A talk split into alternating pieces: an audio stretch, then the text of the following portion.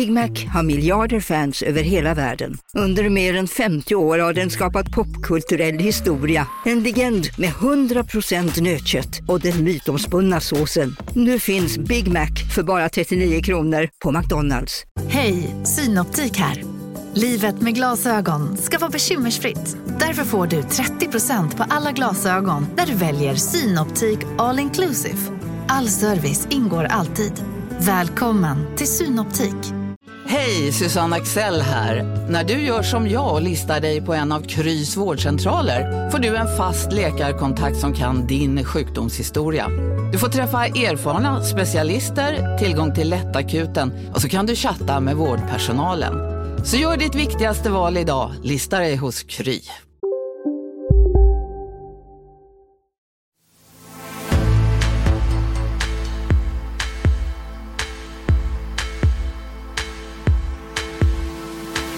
Det är ju Viktor Orbáns handbok som vi ser nu, som steg för steg, eh, bit för bit, eh, man nu inspireras av. Lek inte med den elden, den är farlig skulle jag säga. Lotter, lotter. Vi har ju pratat om de här partilotterna som ni har, som ni vräker ut på Sveriges pensionärer. Syftet med allt det här, det är ju att tysta eh, och skrämma.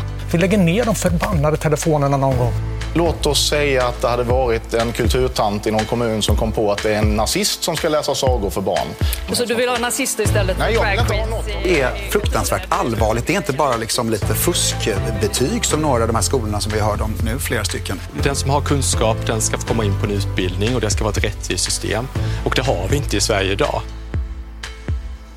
Det har kommit in grövre ammunition i den svenska politikens retoriska artilleri. Frågan är bara om upptrappningen sker från bara ett håll och i så fall vilket. Trumpifiering säger en del. Och svenska skolbetyg sägs nu vara så orättvisa att Handelshögskolan i Stockholm överväger att skapa ett eget antagningssystem. Liberalerna har förlorat ännu en tungviktsveteran. Vi sammanfattar veckan som gick på en timme. Jag heter Staffan Dopping.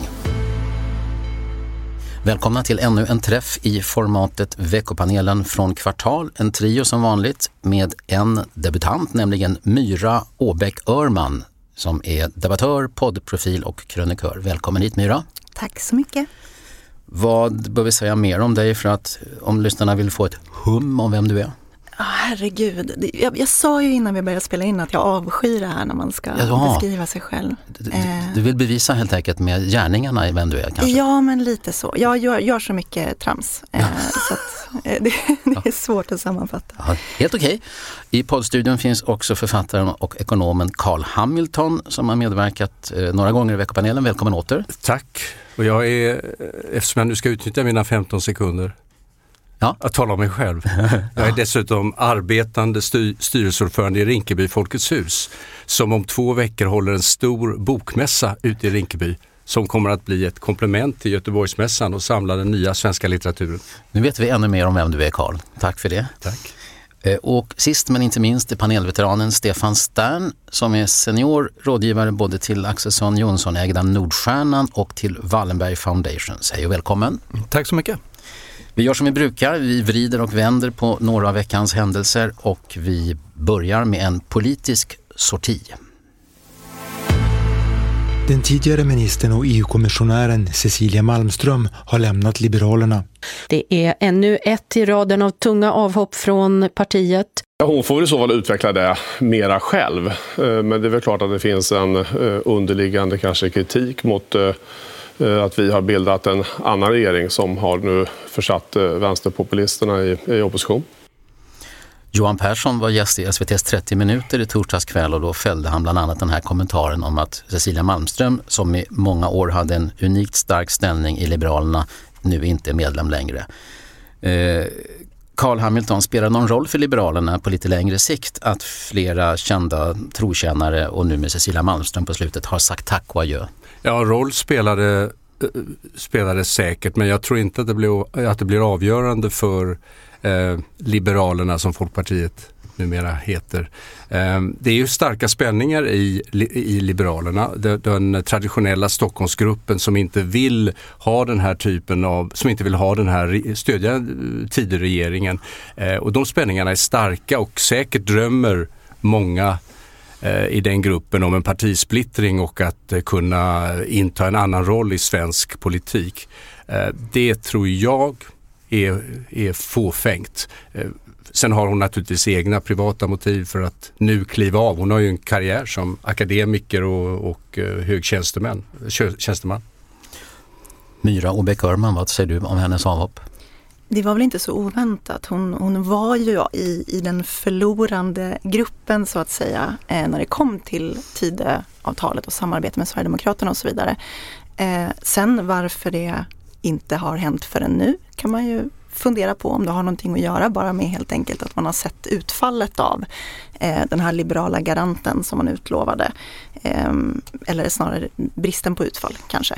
Ehm, men jag vet inte, det, det, känns ju som att det här är, är ett mönster för eh, Liberalerna Eh, nyligen så var det ju det här avslöjandet också om att de tappar förtroende hos kvinnliga väljare. Framförallt Johan Persson har ju väldigt lågt förtroende hos de kvinnliga väljarna. Och jag tänker mig att, att den här polariseringen inom partiet eh, hänger nog mycket ihop med den. Eh, att du, du har liksom den lite mer kanske lite mer, kanske lite mer liberala, om vi säger så, eh, falangen som har lite problem nu att förhålla sig till eh, Johan Persson som, som partiledare eh, och regeringssituationen. Eh, Johan Persson sa lite olika saker om Malmströms beslut. Det var trist förstås, men han sa att men det är inte någon stor dramatik, det händer hela tiden att människor kommer in och går ur partier. Stefan? Jo, men det får man väl ge honom rätt i. Alltså partipolitik och politik innebär spänningar och inte minst inom partierna. Och det förefaller sällan ha haft någon avgörande betydelse huruvida det är stora eller små partier. Även i små partier finns falanger. Och mm. historiskt har vi ju sett mängder av avhopp. Du har sett Eh, från Liberalerna, bland annat Carl Tam, han gick eh, sen vidare till S. Liberalerna har haft Per Garton som sen startade Miljöpartiet. Och eh, du har haft eh, från S i form av Marit Paulsen som gick vidare till L. Och du har mängder av exempel. Gudrun Schyman hon var ju till och med partiledare och hoppade av och har sen tillhört flera olika partier. Så att Johan Persson har rätt men det innebär inte förstås att det inte är ett besvärligt läge när det sker i partierna. Han sa någonting om att det kan handla om hennes, eller att hon känner kritik mot att partiet har gjort ett vägval som har försatt vänsterpopulisterna i opposition. Vad menar han med det där då? Det är väl svårt även eh, vid de bästa tillfällen att tolka ibland vad Johan Persson säger eller vad han menar, eh, tycker jag. Eh, men, men det är ett jättekonstigt uttalande därför att hur han än menar det så låter det ju väldigt mycket som att han försöker utmåla det som att hennes kritik är eh, att man försätter vänsterpopulister i en eh, prekär situation. Och det har jag väldigt svårt att tänka mig att det var en del av hennes den här, förlåt. bevekelsegrund. den här, eh, det här personliga ställningstagandet är ju ännu en effekt av den, den stora eh, den stora händelsen i svensk politik som är framväxten av Sverigedemokraterna, det vill säga att de etablerade partierna under lång tid har misskött särskilt migrationspolitiken så till den milda grad att en nynazistisk sekt har kunnat växa till landets näst största parti. Eh, och det har, eh, den svallvågen, det är ju som en meteorit hade landat i havet, den svallvågen har ju svept med sig partier, personer, fenomen, institutioner. Allting håller på att rätta in sig efter detta. Under åtta år kunde vi, kunde landets, kunde vi inte formera en stabil regering. Och det påverkar även enskilda personer. Bengt Westerberg eh, vägrar att rösta på Liberalerna i, i riksdagsvalet. Cecilia Malmström eh, lämnar partiet och så vidare. Så det Birgitta den, Olsson har också gjort det. Och Birgitta Olsson, precis. Och, så att det är så att säga den stora, det är den stora nästan ödesmättade händelsen i svensk politik de senaste 30 åren som påverkar allt och alla och kommer att fortsätta göra det. Men nu återvänder vi till TV-huset i söndags. Partiledardebatt åtta månader efter valet.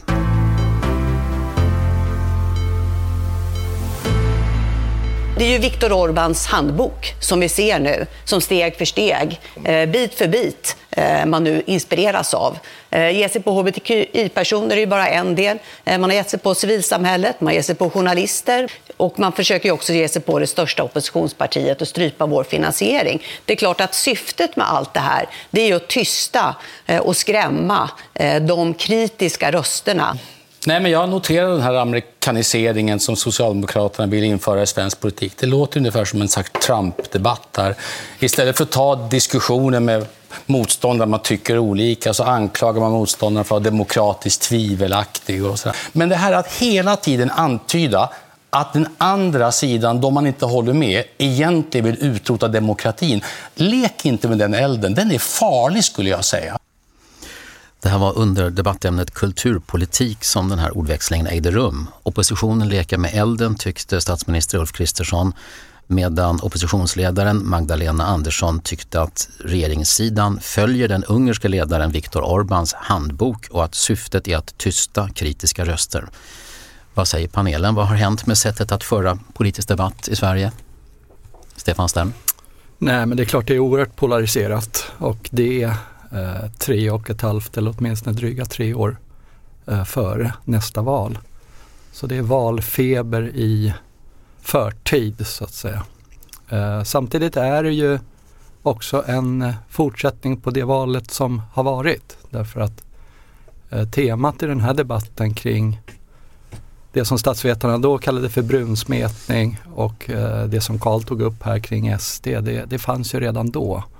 Och i S-retoriken då så hette det att, att Moderaterna och SD ville gripa makten. Och gripa makten är ju något som eh, man förknippar med länder långt borta och nu heter det att det är en regim som sitter i Sveriges regering. Så det är ju ett, ett strategiskt tema som eh, återkommande kommer upp. Eh, det är också, tror jag, en, en svår situation att förlora valet, vilket S har gjort. Och eh, Eh, det har inte riktigt kanske sjunkit in innan men nu har vi ju en, en, en regering som baseras på en, eh, en majoritet i riksdagen och då ska ju de styra utifrån regeringsformen och utifrån författningen och finns, fatta, finns fatta en... beslut som de, som de har gått till val på mm. som de tycker är riktiga. Finns det någon rimlighet i det som Magdalena Andersson säger att regeringen och Sverigedemokraterna har ett övergripande syfte, nämligen att tysta och skrämma kritiska röster? Nej, det finns ju dumma uttalanden eh, historiskt och i närtid av eh, enskilda sverigedemokrater. Men eh, om hon menar lotteriet, vilket hon gör, så finns det ju 26 miljoner skäl för S att försöka eh, förklara det med eh, partipolitik. Men det här lotteriet det är ju en, låt mig kalla det för historisk rest. Eh, på 70-talet, 60-talet då hade PRO eh, statsbidrag men inte SPF och de andra pensionärsorganisationerna. Du hade eh, studiestöd till alla fackliga kurser men inte till LRFs kurser och inte till arbetsgivarkurser. Det finns några sådana här rester kvar och den här kopplas nog bäst till eh, kollektivanslutningen. Var du med i LO så var du automatiskt med i S och då blev det en och en halv miljon människor. Och sen på 90-talet så försvann den historiska resten. För det var en kvarnsten runt halsen som LO-ordförande Stig Malm sa. Mm. Och nu är det 70 000 medlemmar kvar. Av egen kraft så är det 70 000 medlemmar kvar. Mm. Så det är inte en folkrörelse i den historiska meningen och den här resten är en bland flera som successivt försvinner. Vi ska återkomma till lotterna eh, men eh, Myra, jag vill höra vad du säger om det här som är mera beskrivs som en demokratisk nedmontering. Ja, alltså jag tänkte återknyta till det du sa att Karl, att den här stora förändringen är ju eh, Sverigedemokraternas inträde. Eh, och jag tror att om vi ska prata om varför vi har det så här, för jag håller med om att det är ett helt absurt uppskruvat tonläge från alla möjliga håll. Ehm, och det är ju vi som kommer ihåg liksom tiden innan Sverigedemokraterna kom in i, i riksdagen vet att det har hänt en hel del i, med tonläget. Ehm, och jag tycker inte att det är så jävla konstigt om jag ska vara ärlig. Därför att om vi har ett läge där Eh, vi föreställer oss att Vänsterpartiet skulle till exempel ha Facebookgrupper, så vi som stöttar Nooshi, vi som gillar Vänsterpartiet och sådär. Eh, Vänsterpartiets vänner med tiotusentals människor. Eh, och i de här grupperna så sitter folk dagligen och säger saker som att vi måste Eh, vi måste skjuta landsförrädarna, vi ska eh, göra oss av med Stefan Löfven, vi ska liksom direkta så här, våldsuppmaningar. Vi behöver en ny Breivik som kan gå ut och döda alla sossar och sådär. Eh, vilket är, är fallet eh, med Sverigedemokraterna. Om Vänsterpartiets väljare hade hållit på på det här sättet och aktivt hetsa mot eh, ett av högerpartierna, Ulf Kristersson då i det här exemplet, så tror jag att de skulle bli ganska arga om sossarna gick ut och sa vi ska samarbeta med Vänsterpartiet nu. Eh, fast de tycker att det är helt okej, okay, mer eller mindre att deras väljare sitter och håller på så här. Eh, de går inte ut och gör några tydliga avståndstaganden. De till och med matar de där idéerna själva genom att gå ut med olika utspel där man till exempel då säger att eh, man har blivit, man har blivit utsatt för valfusk som gör att man har förlorat valet, vilket de gjorde 2018.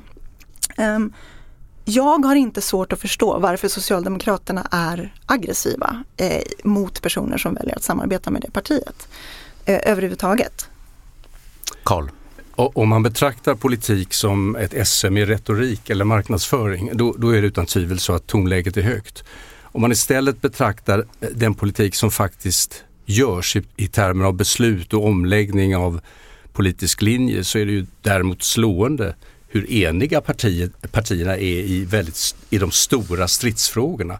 Socialdemokraterna har ju nu svängt över till SDs i stora drag eh, eh, hållning i migrationsfrågan och när det gäller bekämpningen av kriminalitet. Det som, det som eh, Magdalena Andersson själv kallar paradigmskiftet. Ja, de, man vill ta åt sig äran av ja, att vara först ja, på den bollen. Pa, eh, Socialdemokraternas partiordförande menar ju att det är de som står för det här paradigmskiftet. Alltså det paradigmskifte som gör SD så avskyvärd. Så att när det gäller den verkliga politiken så är ju så, så, är samstämmigheten faktiskt rätt stor och det stämmer väldigt väl överens med hur svensk politik har, har, har skapats de senaste 30 åren. Enigheten om att lägga om skolan var, var i stort sett total. Nedläggningen av det svenska försvaret, alla var överens. Omläggningen av den ekonomiska politiken som har fått betydelse för hundratusentals svenskars väl och ve var alla också överens om. Och migrationspolitiken var alla överens om tills det dök upp en nynazistisk sekt som plötsligt började tala om kostnaden för okontrollerad invandring eller om man så vill invandring utan integration. Men du, på, på 00 och 10-talet är det väl inte rimligt att beskriva Sverigedemokraterna som en nynazistisk sekt? Nej, jag säger att det var en nynazistisk sekt på 90-talet. Ja, alltså det. Det, det, det, har hänt någonting sedan dess. Ja, det är det, det, det, det har. Ja. Så min, min tes är just att eller mitt påstående är just att det enastående i att en nynazistisk sekt förvandlas till riksdagens näst största parti som, som, i, långa drag, som i långa drag eh, styr regeringspolitik. Det är just den rörelsen som är så enastående och svallvågorna av detta som påverkar alla personer, partier och institutioner. Det var min eh, poäng. Och Magdalena Andersson hon har ju skrivit en debattartikel förra helgen och eh, skrev till exempel att så här om, om den, det underlag som, som leder Sverige. SDs högerregim försöker uttryckligen tysta oppositionen. Eh, och det verkar som att det rätt mycket syftar på just det här med, med utspelet om förändrade bestämmelser om rätten att ordna lotterier och då särskilt möjligheten till lottförsäljning på kredit. Vi återvänder till stämningarna i TV-huset i söndags.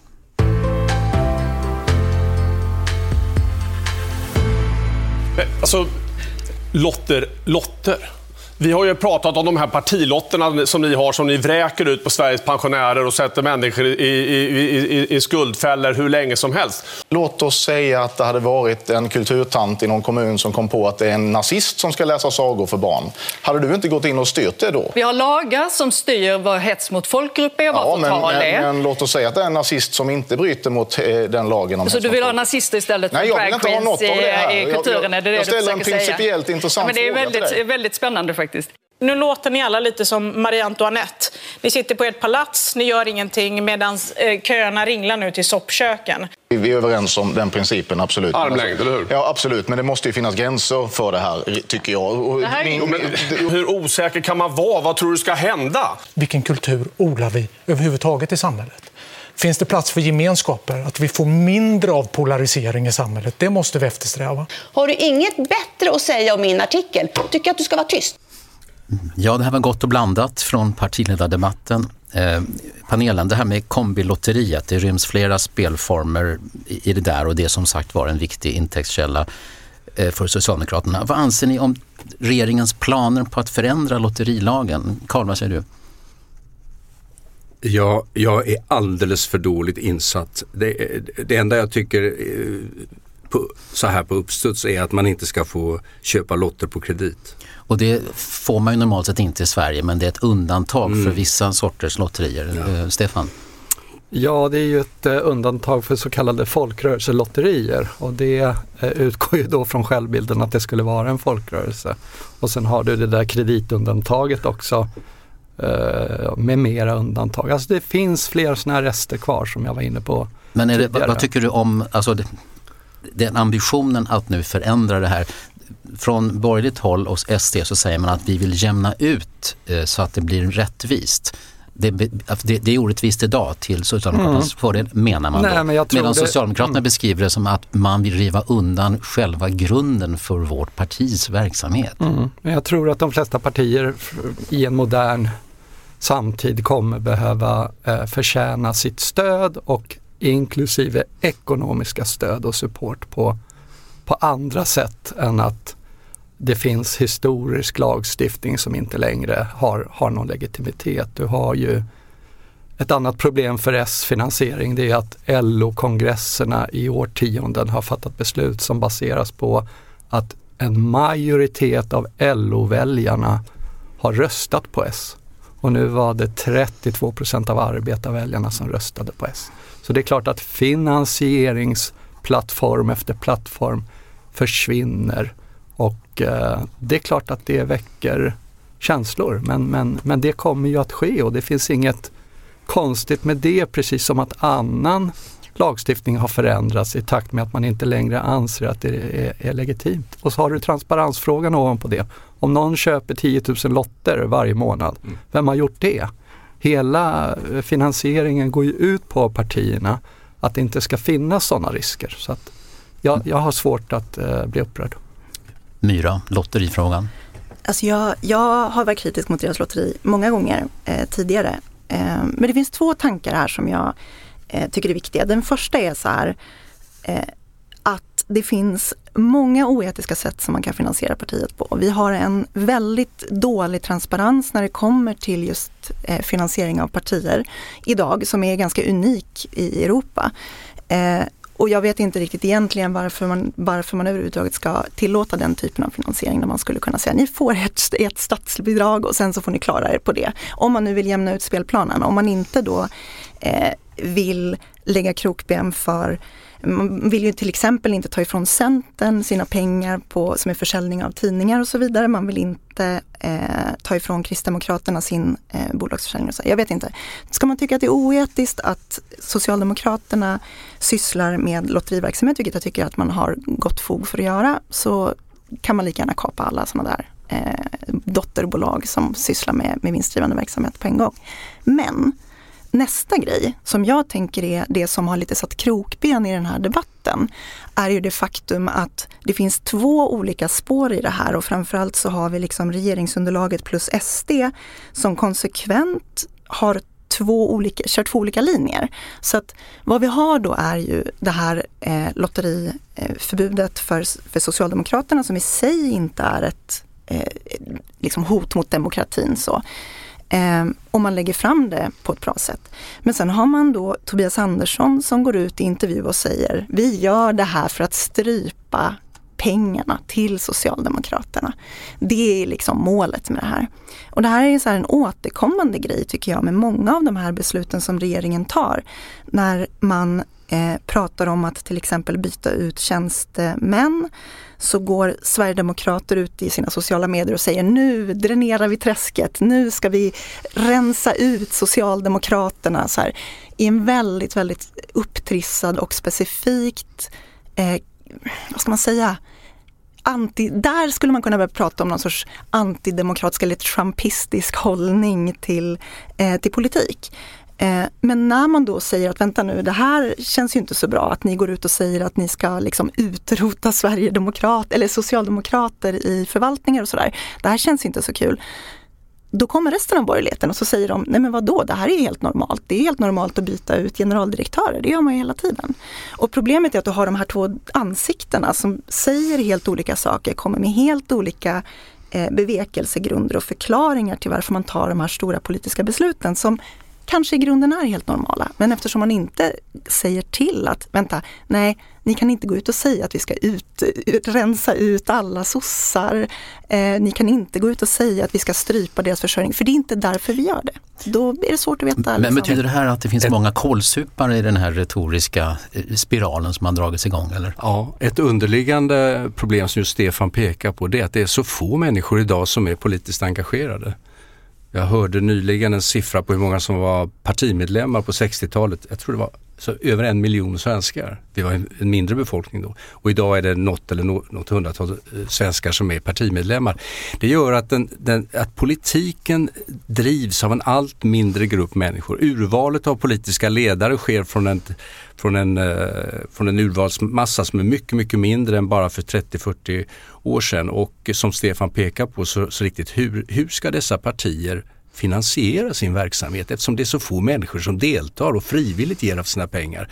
Och är det ett problem att lösa? Ja, det vet jag inte men eh, men även små partier men, med ganska små medel hankar sig ju fram ändå. De, det är inget parti som är på väg att lägga ner ja, för att budgeten ser illa ut. Ja, det hankar sig fram, ja. Jag tänker på Liberalerna som ja. har varit fattigast och. Miljöpartiet har också men, varit tunt. Alltså, ska vi ha helt statsfinansierade politiska partier i framtiden? Det är, tycker jag är en, inte, en, inte en enkel fråga. Du, enligt Ulf Kristersson så leker Socialdemokraterna med elden när man beskriver det här som att, att det, vi har nu en högerregim eh, som, som hotar demokratin. Eh, har, det är farligt. Har han rätt i det? Nej, han har, eh, jag tycker båda sidor har fel och det, båda sidor bygger på överdrifter. Det, det finns inga tecken på att något av partierna i Tidökoalitionen har för avsikt att avskaffa den parlamentariska demokratin. Då får man gå alltså ut på nätet och hitta anhängare som är fanatiker och så vidare. Och sådana finns det naturligtvis. Men det, det finns inga sådana tecken. Och eh, vad, är, vad är det Kristersson säger att, att socialdemokratin leker med elden? Mm med, med den här typen av När de talar om, om att det är en tvivelakt, demokratiskt tvivelaktig ja. eh, regering Några av oss var ju så, underlag. så gamla att vi var med på 80-talet eh, när Olof Palme levde. Den typen av anklagelser om att vara sovjetisk agent, om att eh, vara demokratisk Eh, och opolitlig och att löntagarfonderna var ett sätt att mer eller mindre avskaffa kapitalismen i Sverige. Det var, det var ju vanligt då. Jag, jag tror inte alls att tonläget är så dramatiskt annorlunda än vad det har varit periodvis i Sverige. Nej, men jag kan hålla, med om att, att man får ha ett historiskt perspektiv här, även på den här frågan. Men det som kan vara eh, problemet möjligen med den här retoriken det är ju att det finns hela tiden en dubbelstandard. Ehm, nu anklagar S-ledaren regeringspartierna för att ha ljugit hejdlöst i hela valrörelsen. Och det är efter bara några år eller efter någon mandatperiod med, inte Tidööverenskommelsen, men januariöverenskommelsen. Där alltså S gick till val på höjda skatter för kapital och rika och sen tog bort värnskatten. Där alltså S gick till val på att eh, tillsammans med Hyresgästföreningen varna för marknadshyror och sen ville de själva enligt avtalet införa marknadshyror. Men vill, du sätta, det på, vill du sätta det på lögnkontot? Nej, men om man anklagar eh, en regering nu för att hejdlöst ljuga därför att de har kompromissat efter valet och inte levererat exakt 10 kronor eller 6 kronor på bensinen så är ju det en dubbelstandard. Det finns en dubbelstandard också på andra sätt. Det finns ett gammalt ordspråk att när far super så är det rätt. Mm. Alltså ta NATO-frågan. När S ännu var emot medlemskap i NATO, då försökte de hindra det genom att tolka grundlagen som att det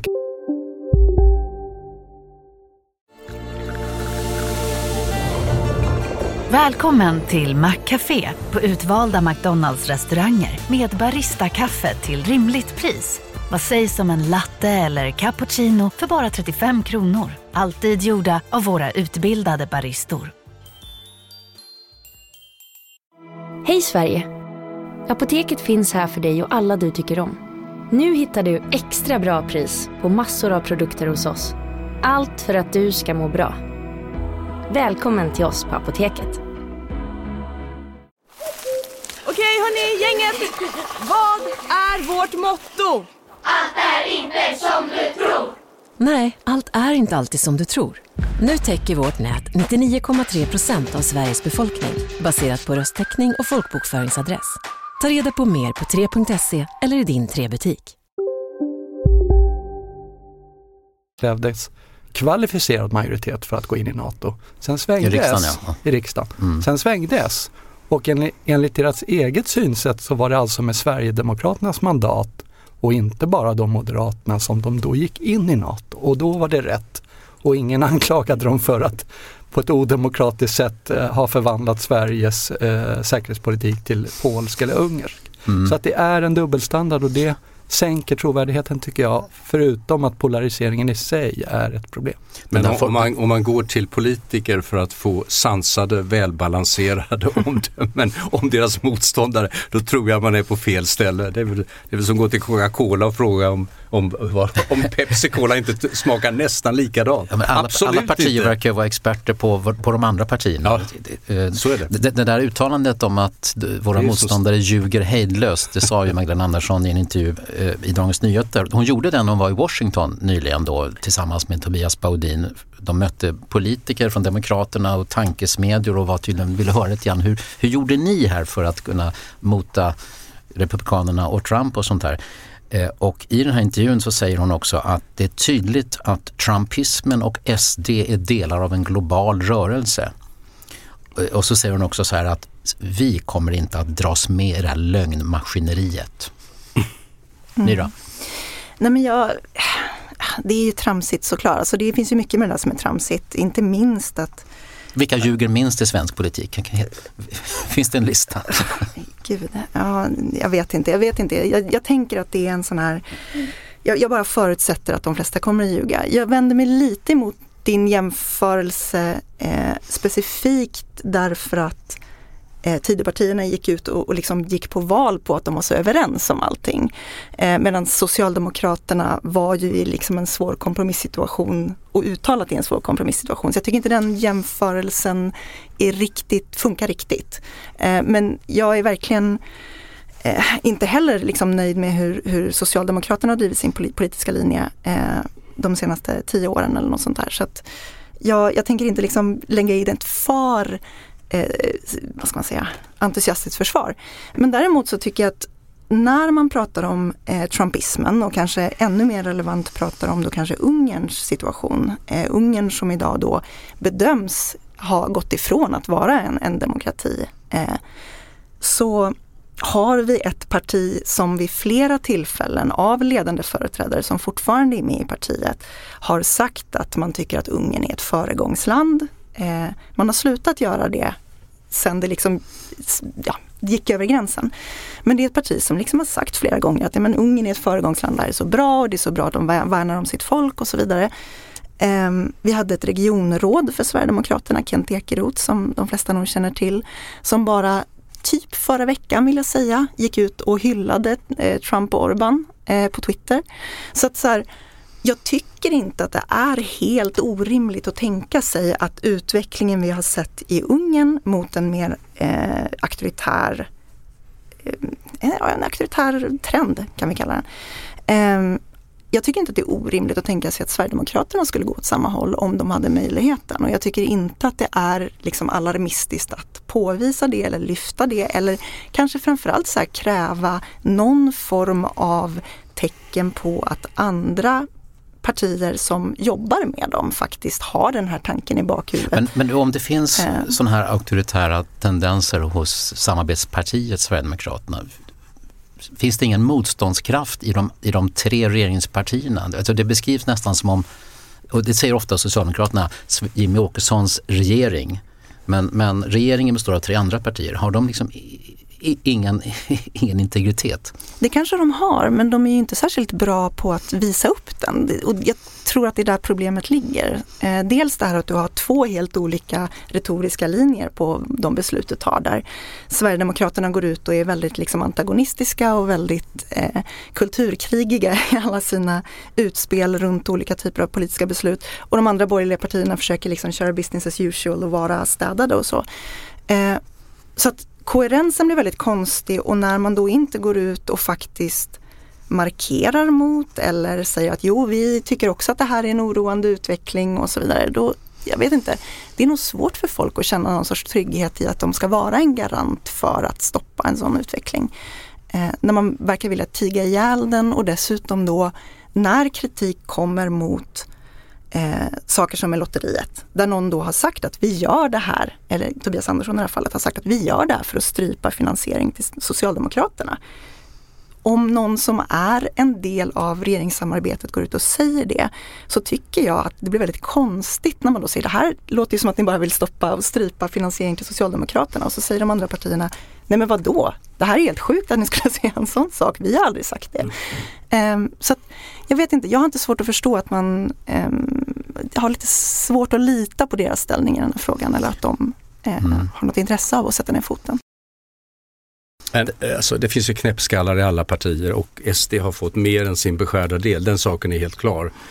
Knäppskallar och fanatiker. Men eh, om man seriöst menar att det finns, eh, att eh, Tidöregeringen och Sverigedemokraterna har, alltså, avser att avskaffa den parlamentariska demokratin.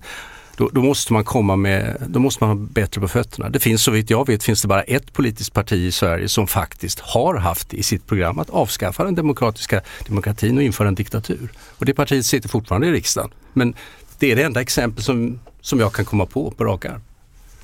Stefan? Menar du VPK? Ja, precis. Mm. Och det finns mycket historisk eh, uppbyggd ont blod i det här faktiskt. Där både S på den tiden som du talar om Karl blev anklagade för just det där. Men tyckte inte då Myra att de hade ansvar för vad kommunisterna påstod om demokrati och sådär. Och, och, och eh, Sverigedemokraterna har ju i årtionden blivit bekämpade av, tycker de då, ansåg de av, av, av S med ohederliga metoder. Så att det väller ju upp eh, känslor här. Jag tror så här, SD kommer att fortsätta att vinna på detta kulturkrig. Eh, Det S nu gör för att försvara lotteriintäkterna kommer att gynna SD. Det är otroligt feltajmat att sätta igång ett stort kulturkrig när människor nu tänker på ekonomi. Plånboksekonomi, landets ekonomi, global ekonomi. Det är topp tre sedan några månader nu är det topp ett. Och de ekonomiska frågorna rymmer eh, dimensioner som inte gynnar SD och då springer S ut i varenda resa och intervju och eh, kör igång ett eh, nytt kulturkrig. Det är ogenomtänkt och det bygger inte heller på eh, rationella argument. Ja, jag, jag måste säga att jag delar den analysen och jag tror att eh, Eh, den stora bilden efter höstens val eh, det är trots allt att en stor del, en stor mängd borgerlig, eh, socialdemokratiska väljare faktiskt nu finns i ett idag borgerligt parti, nämligen Sverigedemokraterna. Och det finns en slags lite tillfällig förskjutning i Centerpartiet på, på grund av personen Annie Lööf. Men i grund och botten så tillhör Centerpartiet den borgerliga sidan. Har man det perspektivet då ser man en otroligt eh, hotfull bild ur det socialdemokratiska perspektivet. Nämligen att det finns en bastant borgerlig majoritet. Ja, vad vi ser framför oss nu då, det är hundra år av ensamhet för socialdemokratin. Och ska man, eh, ska man ta sig ur det greppet så måste man göra helt andra saker än slåss om de här bibliotekstanterna. Och då gäller det, jag tror Stefan har helt rätt, ekonomin, ekonomin, ekonomin. Och vi går- är på väg in i en lågkonjunktur. Det är där man ska vara och det är där eh, de väljarna måste känna att det, att det finns en trovärdighet och en långsiktighet. Men många anser inte att Sverigedemokraterna egentligen är ett eh, borgerligt parti. Det, det där är åtminstone ganska många som opponerar sig mot den kategoriseringen. Många borgerliga väljare? Ja, alltså även de själva. Jag intervjuade Jimmie Åkesson för ja. ett par veckor sedan. Statsvetare brukar inte hävda att det är ett typiskt borgerligt parti men de, de har ju olika drag. Stefan? Ja, men jag håller med om det. Det är inget frihetligt parti. Det är inget parti som ser till individ utan det är ett väldigt kollektivistiskt parti som tittar på människor i grupp och bedömer människor utifrån grupp. Det är ett parti som vill förändra människor med hjälp av staten. Det är inget borgerligt parti. Det intressanta är att det finns ytterligare ett parti som har ungefär de karaktäristikerna. Ja, och de har majoritet i riksdagen, ihop, S och SD. Ja. Ja. Det här med lotterilagen och reglerna för politiska partiers lotterier tycks ha satt väldigt djupa spår i Socialdemokraternas ledning. I den här långa DN-intervjun eh, säger Magdalena Andersson efter hemkomsten från USA, för det hände någonting då nämligen, eh, att hon noga måste fundera igenom i vilka frågor det går att samarbeta med regeringen givet allt som har hänt och Ulf Kristerssons uppenbara brist på integritet säger hon där. Och i en annan intervju i DN säger gruppledaren Lena Hallengren att planerna på lotteribegränsningar påverkar relationen till regeringen.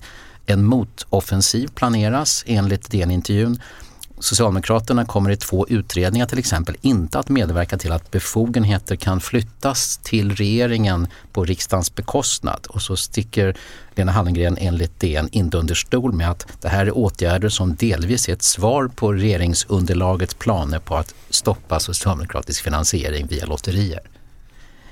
Vad, vad, om man tittar på förlängningen av detta med, med, ni säger ett kulturkrig som inte borde ha startat just nu, men det är väl det, är väl det som, det, det brinner ju i knutarna. Mm. Nej men jag, jag tycker, ju, jag håller ju med, jag tycker att det är helt huvudlöst att ge sig in på eh, den här formen av eh, väldigt personlig, för det här är ju trots allt eh, handlar det här om liksom finansiering av ett parti som vi redan har konstaterat är ett ganska litet antal människor som har någon form av engagemang i partiet, eh, medlemmar i partiet och så vidare. Eh, och att då fokusera på det och försöka göra en grej av den här attacken oavsett om man tycker att den är orimlig eller inte. Eh, det känns väldigt, väldigt dumt och det känns eh, som att jag, tr jag tror att de kommer att förlora på det också. Det, här med amerikaniseringen då, nu, nu, du vet det här med crooked Hillary och sånt där och lock her up som mm. Trump körde med. Nu är det arga Andersson här, här och var. Eh, det är visserligen bara på några få ställen på Twitter som hon har kallats eh, för det, men det har upprört flera socialdemokrater som känner igen de här tagen från Trump. Är det ett, det var inte avsett som, som en lustighet, är det ett övertramp att säga och skriva på det här viset, arga Andersson? Nej, det tycker jag inte. Det, det, det, får passera. Ja, nej men alltså jag tycker inte att det är det värsta som har, alltså herregud, det är väl inte det värsta som har sagts om Magdalena Andersson. Eh, för det, I kombination med den här eskaleringen av tonfallet och sådär så kan det ju också ibland upp, upp tycker jag, kan det uppstå överkänsligheter samtidigt. Mm. Att man, så att säga, det som mm. man förr i tiden kallade för överspänd. Va? Ja. Alltså hy hyperkänsligt. Stefan, du vinkade. Eh, nej, det vet jag inte om jag gjorde, men jag kan gärna ta ordet.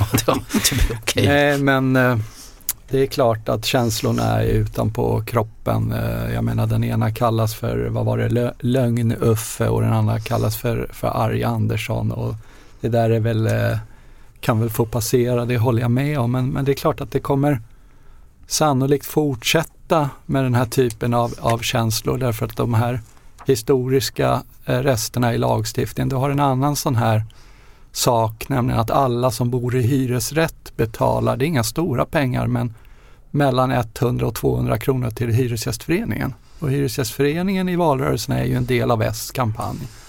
Och eh, det är som en liten skatt på 150 kronor till... Även från, de som inte är medlemmar? Även de som inte är medlemmar. Och det är klart, det här har successivt eh, tagits bort i takt med att man har fått en ny syn på hur det ska fungera och, och det kommer ju väcka eh, liknande känslor det ifall, ifall man tar bort det. Så att, eh, jag tror vi får förbereda oss på det här, känslor utanför kropp, på kroppen och eh, polarisering som, eh, som fortsätter. Men, men samtidigt eh, väljarna, medborgarna, de funderar på, på räntorna, eh, de funderar på eh, inflationen, de funderar på ekonomin och eh, det är därför jag säger det är väldigt feltajmat. För socialdemokratin finns det ingen framtid i den riktningen, skulle jag säga.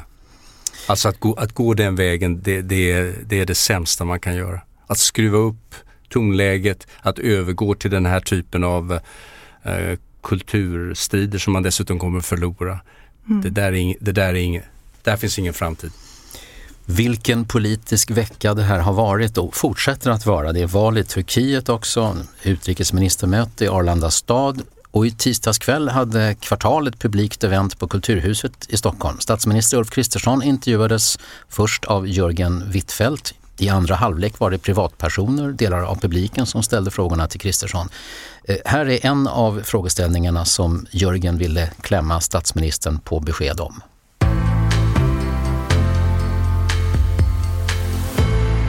Men fråga rakt på bara då. Mm. Är den här idén som de, de, danska socialdemokraterna har haft, som ju är ganska radikal. Du har ju också sagt att Danmark ligger tio år före mm. Sverige och sådär. Är det någonting du kan tänka dig? Eller att, är du pröva, att pröva asylskäl vid eller utanför europeiska gränsen och att bara släppa in människor som får asyl. Det tror jag är en fullt realistisk idé till slut. Det kräver att många länder samarbetar väldigt noggrant. Och om vi inte lyckas med det, då kommer den europeiska öppenheten äventyras tror jag. Det tror jag Så det här kommer du att driva i EU? Det här är, kommer att vara Sveriges linje? Ja, alltså, riktigt så funkar det inte. Just nu diskuterar vi ett paket och det handlar om den externa dimensionen. Hur ska vi få bättre koll på gränsen överhuvudtaget och att börja registrera så att människor skickas tillbaka där de först har kommit. Det är svårt nog. Sen håller Europaparlamentet på med sin pakt och ska man försöka enas om hela saker här. Den uppenbara risken som finns här det är att alla de här beslutsdelarna lamslår varandra så vi inte får någonting gjort överhuvudtaget. Då är jag allvarligt oroad att ett antal europeiska länder, fullt civiliserade länder, drar slutsatsen att det enda vi kan göra är att stänga våra egna gränser. Därför man får sådana otroliga tryck på sig under kort tid. En fullt realistisk idé att pröva asylskäl vid eller utanför Europas gräns, sa Ulf Kristersson. Den här idén har danskt ursprung som bekant. Eh, om det här blir regeringens politik, eh, Myra, vad tror du? Kommer Socialdemokraterna att opponera sig mot det? Jag tycker det är jättesvårt att säga vilken linje de ska ta i det här i och med att man har, eh, som jag också konstaterade tidigare, svängt oerhört mycket i den här frågan eh, på ganska kort tid, måste man ändå säga. Det, jag, det går inte, finns inte liksom att gå se några tecken på hur S sannolikt... Jo, alltså, jag tänker att när eh, Magda eh, började så var det ju lite tecken på att hon var inspirerad av, av danska Socialdemokraterna. Jag kommer ihåg att jag skrev en text om det där och tyckte att det var en väldigt dålig idé för Socialdemokraterna att försöka imitera de danska. Eh, I och med att de danska Socialdemokraterna då, precis när hon tillträdde, höll på att tappa stöd, framförallt i storstadsregioner och sådär. Men, men det har ju varit, eh, det skulle inte förvåna mig om man, om man liksom gjorde den eftergiften. Men jag vet inte, det, det känns svårt. Det som jag är nyfiken på med det här är ju nu jag siar ju om att liksom nästa så här, sverigedemokratiska idé, eh, eller kultur, politiska kulturfråga att bråka om, eh, är ju EU-medlemskapet om man ska titta på hur deras kusiner i andra länder har, i Europa har eh, betett sig. Och eh, jag vet inte, det ska bli intressant att se den frågan när den väl slår till. Om man nu ska börja prata om att det är så viktigt att hålla samman EU som, som politisk enhet och eh, förlita sig på den. Mm. Um. Men det här med asylcenter i Afrika, Karl, vad, vad, vad är din reaktion på det? Du vet, den, den, europeiska migrationsmodellen och rätten att söka asyl, det är, det är en skapelse från åren efter andra världskriget. Då hade man en och en halv miljon flyktingar som rörde sig över Europa. Några skulle hem och, alla ville, och andra ville för, för inget pris i världen hem därför att deras hem var ockuperat av Sovjetunionen. Det är en väldigt gammal konstruktion men på den tiden visste man ungefär hur, mycket, hur många människor det rörde sig om. Vi, vi lever nu sedan flera decennier i en helt ny situation. Den här eh, asyllagstiftningen, den internationella, den, den, passar väldigt dåligt till de problem som världen står inför och det måste till. I stort sett alla migrationsforskare är, är överens om att det, det måste till en ny struktur den struktur som vi har nu med de här Dublinreglerna med rätten att, att man ska söka asyl i första säkra land som ju inga inga länder följer. Alltså det är överspelat av, av tiden. Det behövs en ny struktur för att hantera dessa enorma flyktingströmmar i, i världen. Stefan?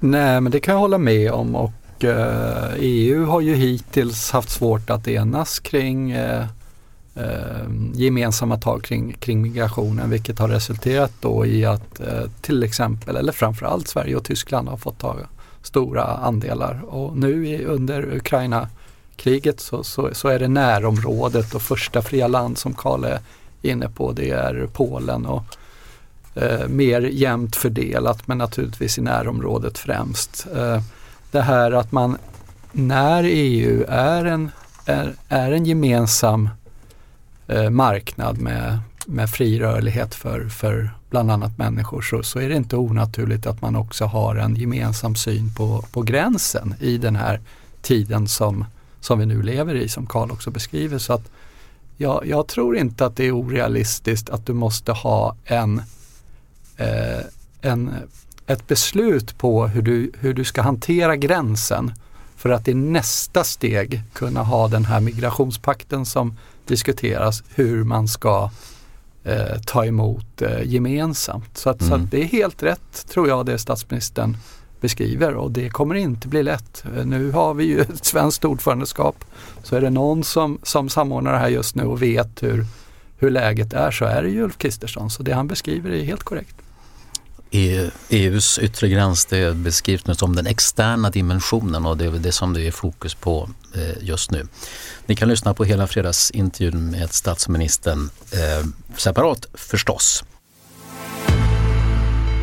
Under den här veckan har fusk med betyg och fusk på prov kommit i fokus. På en skola på Djurgården i Stockholm misstänks var femte gymnasieelev för provfusk. Och Sveriges Television rapporterar om en granskning som Skolinspektionen har gjort om 30 rektorers arbete för att motverka glädjebetyg. Ingen får godkänt av rektorerna. Och anrika Handelshögskolan i Stockholm slår larm om att allt för höga gymnasiebetyg kan göra att lärosätet kommer att införa ett eget antagningssystem.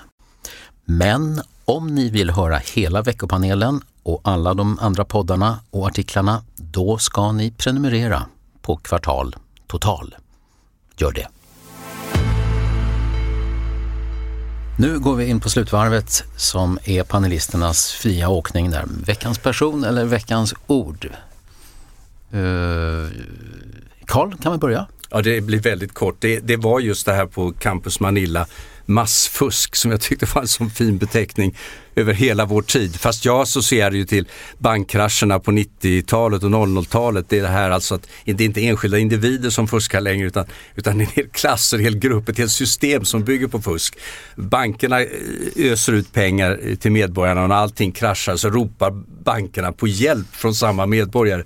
Det är ett exempel på massfusk. Okej, okay. men en liten tröst är kanske att fyra av fem gymnasieelever på den skolan just nu inte utreds för fusk. Ja, nej, nej, nej men de, de, de, de, som fuskar utreds såklart inte.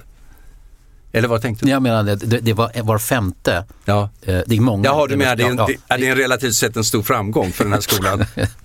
en, en, en tankelek lite grann. Stefan? Nej, det fanns ju fler skolor, eh, Östra Real och det fanns ju en lång lista, men det där är ett stort problem. Jag har tänkt på Uppdrag granskning som ord. Och eh, jag tänker på det fullständiga eh, haveri och kaos som just nu eh, förefaller pågå inom redaktionen när de själva för en gångs skull blir granskade.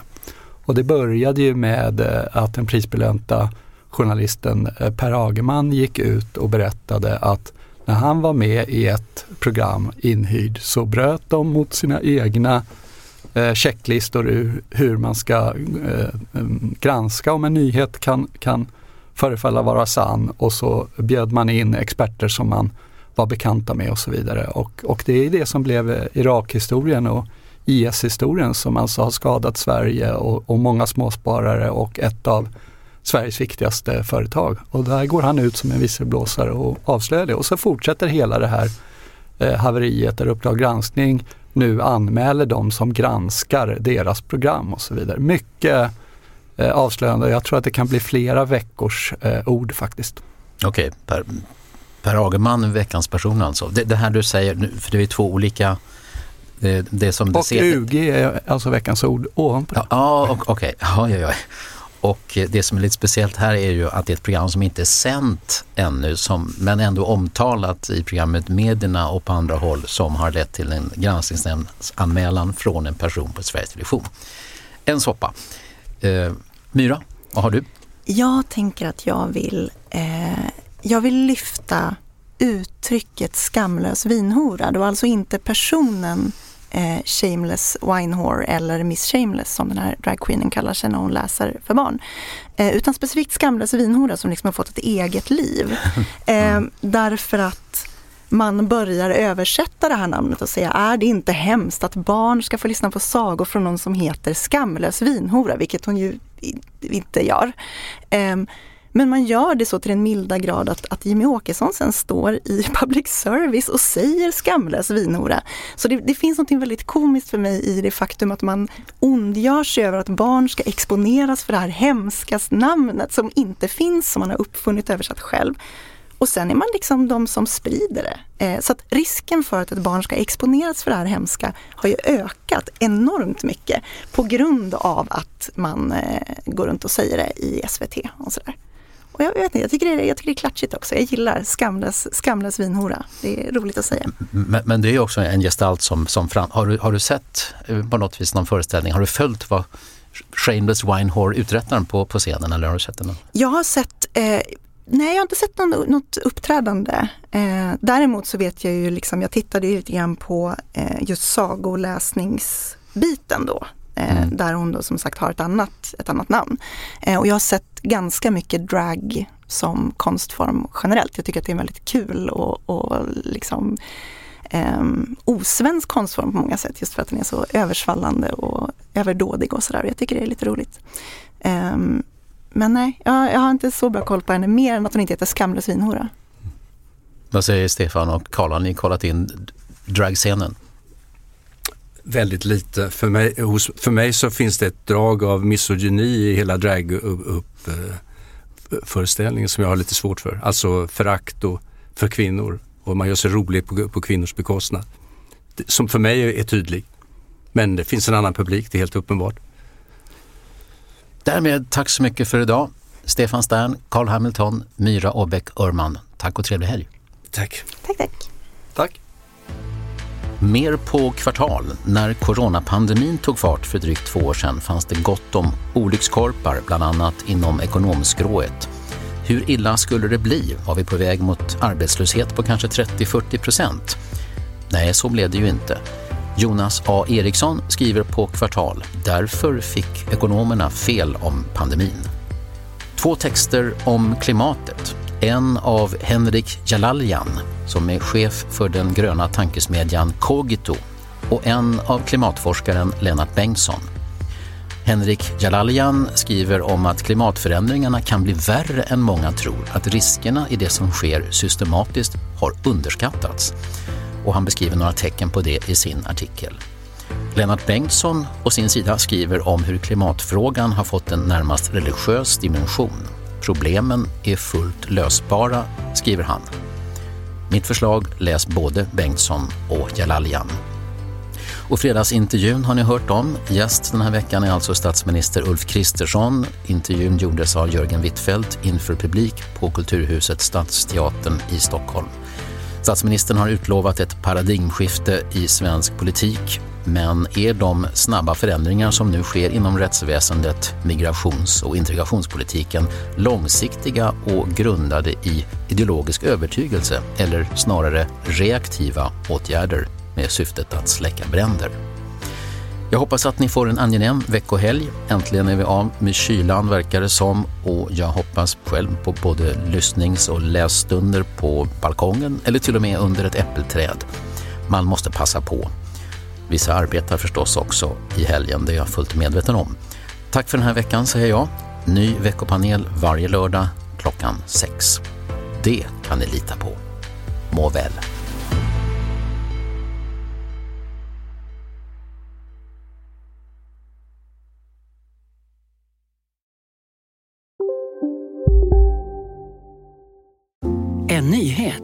Nu kan du teckna livförsäkring hos Trygg-Hansa.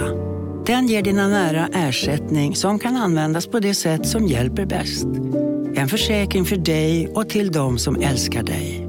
Läs mer och teckna på trygghansa.se. Trygg Hansa. Trygghet för livet. Välkommen till Maccafé på utvalda McDonalds restauranger med Baristakaffe till rimligt pris. Vad sägs om en latte eller cappuccino för bara 35 kronor? Alltid gjorda av våra utbildade baristor.